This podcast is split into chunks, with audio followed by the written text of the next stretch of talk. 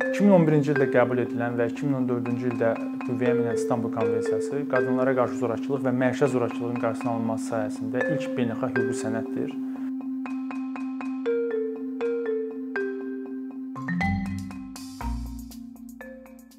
İstanbul Konvensiyası qadına qarşı zorakılıq və məişət zorakılığının qarşısının alınması haqqında çox əhəmiyyətli bir hüquq beynəlxalq hüququ insan hüquqları, beynəlxalq insan hüquqları müqaviləsidir və onun beynəlxalq əhəmiyyətinə baxmayaraq praktikada onun e, deməli e, həyata keçirilməsi ilə bağlı müxtəlif ölkələrdə konvensiya haqqında mənfi təəssüratlar, mənfi rəylər mövcuddur. E, bu mənfi təəssüratlar hətta o qədər ciddidir ki, Avropa Şurasının Parlament Assambleyası 2019-cu ildə konvensiyanın həqiqi məramı haqqında da ayrıca bir qətnamə qəbul etmişdir.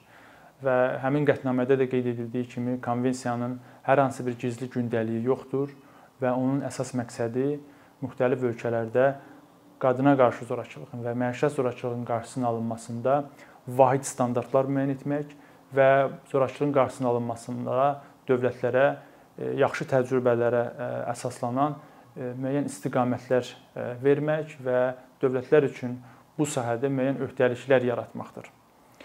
Və biz baxsaq görərik ki, bu miflər, konvensiya haqqında bu mənfi rəylər əslində həm konvensiyanın müddəalarında, həm də praktikada mövcud olan statistik və ya da ki, digər araşdırma nəticələrində deməli tam inkar olunur. Yəni bu mənfi rəylər və miflər əslində praktikada heç də öz təsdiqini tapmır. 2011-ci ildə qəbul edilən və 2014-cü ildə qüvvəyə minən İstanbul Konvensiyası qadınlara qarşı zorakılıq və məişət zorakılığının qarşısının alınması sahəsində ilk beynəlxalq hüquqi sənəddir və bu beynəlxalq hüquqi sənəd beynəlxalq insan hüquqları müqavilələrinə hesab olunduğu üçün mən istərdim bir neçə kəlmə də beynəlxalq insan hüquqları müqavilələri haqqında bəhs edim.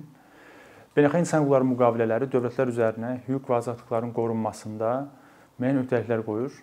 Bu öhdəliklər dövlətlərdən tələb edir ki, hüquq və azadlıqların qorunmasına da sayəsində müəyyən fəaliyyətlər həyata keçirsinlər, yəni hüquqlara hörmət göstərsinlər, eyni zamanda həmin hüquqların qorunmasında müəyyən tədbirlər həyata keçirsinlər və həmin hüquqların e, e, yerinə yetirilməsini, praktikada yerinə yetirilməsini təmin etsinlər. E, deməli bu nədən qaynaqlanır? Bu ondan qaynaqlanır ki, insan hüquqları, hüquq və azadlıqlar ümumiyyətlə universallığı ideyasından irəli gəlir. Çünki hüquq və azadlıqlar deməli sərhəd tanımadan müəyyən kontekstlər, ölkələrin ərazisini tanımadan hər yerdə eyni səviyyədə qorunmalıdır və biz baxsaq görərik ki, belə bir yanaşma bir çox ölkələrin konstitusiyasında da yer almışdır və həmçinin Azərbaycan Respublikasının konstitusiyasında da eyni yanaşma mövcuddur. Yəni biz baxsaq görürük ki, konstitusiyanın 12-ci maddəsində dövlətin əsas məqsədlərindən biri kimi qeyd olunur ki, Azərbaycanda insan hüquq və azadlıqları bizim tərəfdar olduğumuz beynəlxalq müqavilələrə uyğun olaraq tətbiq olunur və bu minvalla da biz İstanbul Konvensiyasını bu cür beynəlxalq insan hüquqları müqavilələrindən hesab edirik. Və İstanbul Konvensiyasının yaranması tarixinə də biz baxsaq görərik ki, o da yəni konvensiyada digər beynəlxalq insan hüquqları müqavilələri kimi eyni tarixi yol keçmişdir. Yəni müəyyən bir sahədə sistematik olaraq mövcud olan hüquq pozuntuları öhdəsindən ölkələr ayrı-ayrılıqda gələ bilmədikləri üçün dünya ölkələri ortaq niyyətlə, ortaq məqsədlərlə müəyyən bir vahid standart, vahid siyasət yaradılması sayəsində bir qərara gəlmişlər və belə bir beynəlxalq hüquqi sənəd ortaya çıxartmışlar. Çünki biz baxsaq görərik ki, istər BMT nəzdində, istərsə də Avropa Şurasının müxtəlif qurumlarının çərçivəsində qadınlara qarşı zorakılığın qarşısının alınmasında, məişət zorakılığının qarşısının alınmasında çoxsaylı təşəbbüslər həyata keçirilmişdir. Lakin buna baxmayaraq bu cür təşəbbüslər heç də çox yaxşı nəticə verməmişdir. Yəni müxtəlif ölkələr qadınlara qarşı zorakılığın qarşısının alınmasında çox təəssüf ki, əhəmiyyətli və nəzərə çarpan irəliləyişlər əldə edə bilməmişdilər. Və bu cür problemin qalmaqda davam etməsi də İstanbul Konvensiyası kimi əhatəli, hərtərəfli bir vahid standartın, vahid siyasətin və dövlətlər üçün məcburi olan öhdəliklərin yaranmasına gətirib çıxartmışdır. Və İstanbul Konvensiyası da beynəlxalq insan hüquqları müqaviləsi kimi qadına qarşı zorakılıq və məişət zorakılığının qarşısının alınmasında həqiqətən olduqca əhatəli bir sənəddir. Və konvensiyada biz görürük ki, konvensiya müəyyən edir ki, qadına qarşı zorakılıq gender münasibətlərindən irəli gələn güc bərabərsizliyindən qaynaqlanır və bir çox ölkələrdə hələ də təhlükəsiz sayıldığı evində zorakılığa məruz qalan, psixoloji təzyiqə məruz qalan, eyni zamanda müxtəlif təqiblərə, məcburi nikaha, məcburi abortlara, eyni zamanda iş həyatında, ictimai siyasi həyatda iştirakdan məhrumiyyətlərə məruz qalan çox sayda qadınlar var. Və bu nümunələrdə biz görə bilərik ki, bu misallarda biz görə bilərik ki, qadına qarşı zorakılığın nümunələri hədsiz sayda çoxdur və onun qurbanlarının da sayı hədsizdir, çox təəssüf ki. Və konvensiya bu cür problemin kompleks və struktural bir problem kimi görür və bu problemin deməli sərhəd tanımaması, heç bir milli sərhəd tanımaması, heç bir iqtisadi, sosial sərhəd deməli əlamətlərdən asılı olmayaraq bütün mühitlərdə bu problem qalmaqda davam edir. Buna görə də konvensiyanın özü də bu problemlə deməli problemi həll etmək üçün, bu problemin deməli yaranmasına səbəb olan hallara cavab vermək üçün olduqca əhatəli sənəddir. 12 hissədən və 80 maddədən ibarət olan bu sənəd mən deyərdim ki, beynəlxalq insan hüquqları müqavilələri sırasında ən geniş, ən əhatəli sənəddir və konvensiyanın özündə çoxsaylı istiqamətlər üzrə bir sıra qaydalar və fəaliyyətlər dövlətlər üçün müəyyən edilibdir. Mən təbii ki, bunların hamısı haqqında ətraflı danışmaq istəmirəm. Sadəcə 4 istiqamət üzrə vacib olan hissələri mən vurğulamaq istərdim. Bunlar birincisi vahid siyasət və informasiya, yəni informasiyanın, məlumatların toplanmasıdır. İkinci müdafiə və dəstək proqramıdır. Digər məsələlər isə deməli preventiv tədbirlər və maddi hüquq sahəsində istiqamətində olan tədbirlərdir ki, dövlətlər bu sahədə bir sıra işlər görməklə, fəaliyyətlər göstərməklə qadına qarşı zorakılığın və məişət zorakılığının qarşısının alınmasında önəmli yol qət edə bilərlər və bu problemin aradan qaldırılmasına da nailiyyətlər əldə etmək mümkündür. Qadına qarşı zorakılığın qarşısının alınmasında çox təəssüf ki, əsas problemlərdən biri odur ki, baxmayaraq ki, araşdırmalar və praktikada olan məlumatlar, sorğular göstərir ki, bu sahədəki zorakılıqlar kifayət qədər çoxdur, lakin bunların bu problemlərin üzə çıxmasında ciddi problemlər mövcuddur. Buna bir çox səbəblər səbəblər bu bir çox səbəblərdən irəli gəlir. Əsasən qadınlar bir çox halda ya utanırlar, ya qorxularından bu problemləri üzə çıxarda bilmirlər və yaxud da ki, qadınların olduğu mühitdə cəmiyyətdə istər qanunvericilikdə, istərsə də idarə etmədə olan problemlər bu hüquq pozuntularının təsirli şəkildə hüquqi təqibini də imkan vermir və bir çox halda belə təqsirkar şəxslər də cəzasız qalırlar. Sadaladığım həmin istiqamətlər üzrə mən danışmaq istərdim. Vahid siyasət və məlumatların toplanması sahəsində konvensiyanın deməli öngördüyü bir sıra deməli fəaliyyətlər mövcuddur. Bunlar e, həqiqətən də çox e, zorakılığın qarşısının alınmasında çox önəmli təsirə malikdir. Yəni dövlətlər e, zorakılığın qarşısının alınması sahəsində, ümumiyyətlə zorakılığın statistikası sahəsində müəyyən işlər görməlidirlər ki, bir cəmiyyətdə qadına zorakılığın həqiqi xəritəsi, həqiqi vəziyyəti ortaya çıxsın. Yəni ki, biz bir cəmiyyətdə qadına zorakılığın mövcud vəziyyəti haqqında, cari vəziyyət haqqında yetərli və həqiqi məlumatlar əldə etmədikdə, təbii ki, onunla mübarizədə də ciddi yol qət etmək mümkün deyildir. Və vahid siyasət dedikdə burada dövlətlərdən həm də o da tələb olunur ki, dövlətlər məişət zorakılığının, qadına qarşı zorakılığın kompleks problem olduğu üçün burada bir sıra dövlət qurumlarının, eyni zamanda qeyri-hökumət təşkilatlarının iştirakı, müdaxiləsi mümkündür. Yəni bir zorakılıq qurbanı həm uşaq hüquqları ilə bağlı hüquq müdafiəsinə deməli əldə edir. Eyni zamanda o həmin zorakılıq halında hüquq mühafizə orqanının müdaxiləsini biz görürük. Əgər orada cinayət işi varsa, müəyyən hüquqi təqib həyata keçirilir və yaxud məhkəmə orqanlarının burada iştirakı, həmçinin tibbi səhiyyə xidmətləri, sosial xidmətlər sahəsində müxtəlif qurumların iştirakı deməli iştirakından biz bəhs edirik və belə bir kompleks fəaliyyətlərdə təbii ki, bu qurumların öz aralarında da vahid deməli koordinasiyanın olması zəruridir ki, bu qurumlar təsirli şəkildə, dayanıqlı şəkildə bu xidmətləri göstərə bilsinlər. Digər növbəti məsələ isə müdafiə və dəstəklə bağlıdır. Bu istiqamətdə konvensiya dövlətlər üçün də müxtəlif deməli tədbirlər görməyi müəyyən edir, görməyi tələb edir daha doğrusu. Çünki praktikada biz baxsaq görərik ki, sorğular göstərir ki, qadına qarşı zorakılıq zamanı zorakılıq qurbanları əsasən demək olar ki, yarıdan çox hallarda təkrar zorakılıq hallarıdır. Və bu tələb edir ki, zorakılıq qurbanları mütləq deməli elə bir dəstək, elə bir müdafiə ilə əhatə olunsunlar ki, onlar təkrar belə bir zorakılıqdan müəyyən qədər sığortalanmış olsunlar. Müdafiə və dəstək dedikdə biz bura həm e, tibbi e, xidmətləri, sosial xidmətlər, hüquq xidmətləri, əgər zərurət olarsa yeni işlə təmin olunmaq kimi xidmətlər, sığınacaqla e, yetərli sayda sığınacaqla təmin olunmaq kimi deməli xidmətləri, müdafiə sistemini nəzərdə tuturuq və bu sistem, yəni müdafiə sisteminin vacibliyi həddindən artıq önəmlidir. Bu bir çox hallarda həyat qurtarır. Bu bir çox hallarda zorakılıqdan müdafiə müdafiəyə təminat verir Çünki e, əgər biz baxsaq e, görürük ki, zorakılıqla zorakılıqdan şikayət halında e, qurbanların deməli müdafiəsi üçün zəruri olan bu müdafiə vasitələri, yəni sığınacaq və yaxud da ki, başqa işlə təmin olunmaq kimi olmadıkda onlar zorakılıqla, yəni təkrar zorakılıqla deməli qarşılaşa bilirlər. Buna görə də müdafiə və dəstək çox əhəmilidir və dövlətlər bu sahədə də müəyyən işlər görməlidirlər. Növbəti istiqamət isə istiqamət isə deməli maddi hüquq sahəsidir.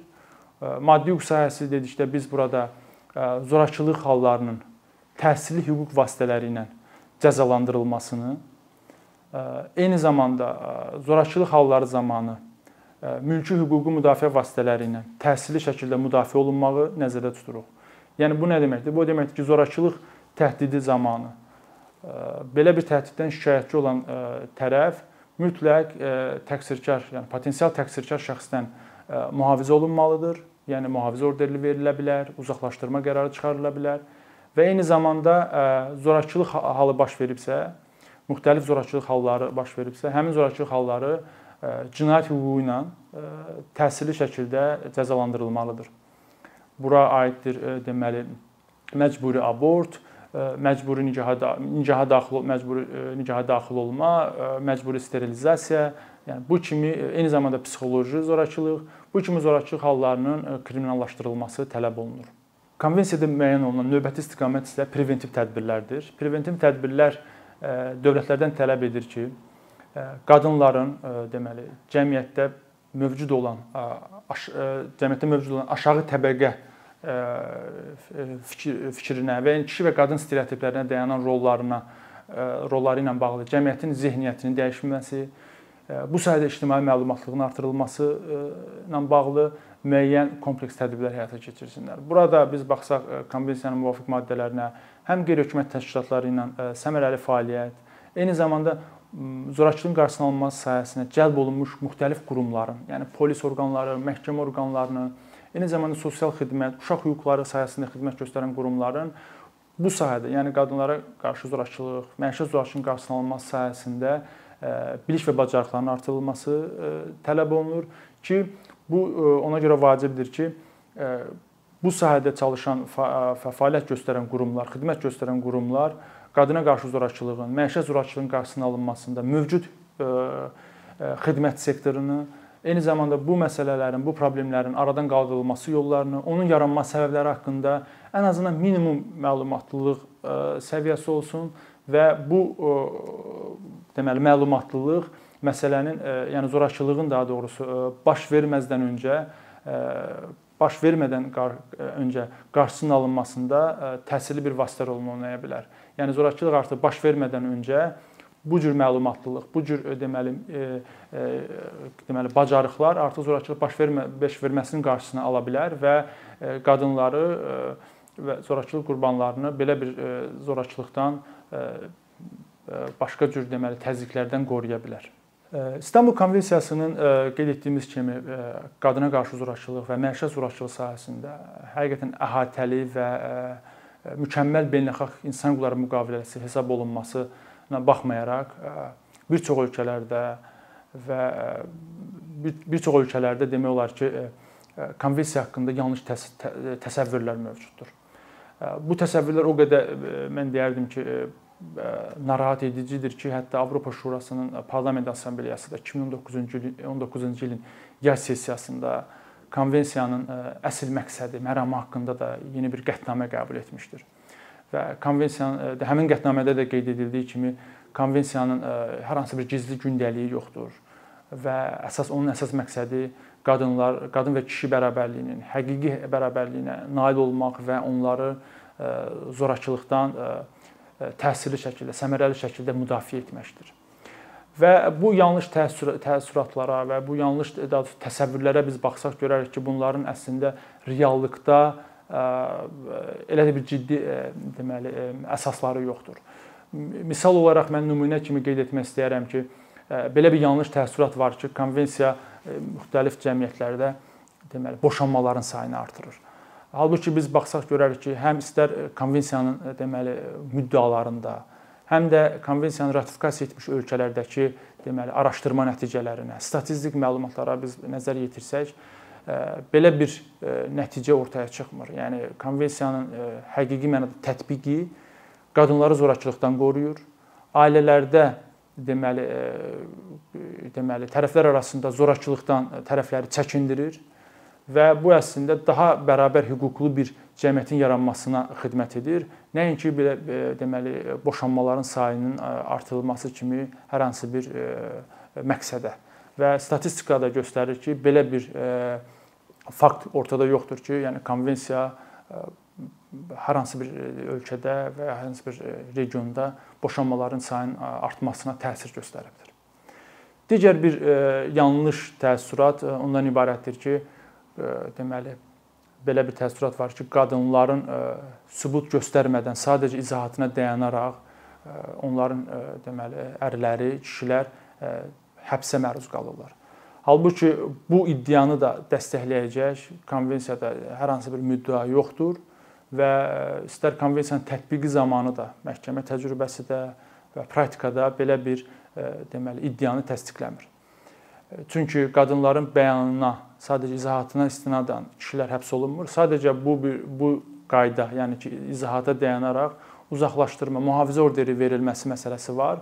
Bu da ondan irəli gəlir ki, e, zorakılıq təhdidi zamanı həmin şikayətin ətraflı araşdırılması zorakılığın artıq baş verməsinə gətirib çıxarda bilər və bununla bağlı olaraq belə bir araşdırmanın ətraflı araşdırmaya vaxt aparmadan, vaxt sərf etmədən məhkəmələr təcili şəkildə deməli barəsində şikayət edilən şəxsi deməli şikayətçidən uzaqlaşdırırlar.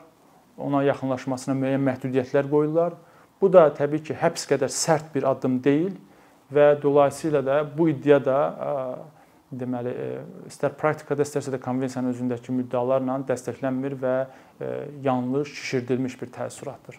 Konvensiyanın tətbiqi ilə bağlı deməli mövcud olan növbəti mif isə ondan ibarətdir ki, qadınlar çox tez-tez e, və heç bir əsas səbəb, əsaslı səbəb olmadan mühafizə orderli uzaqlaşdırma e, deməli qərarları alırlar məhkəmələrdən.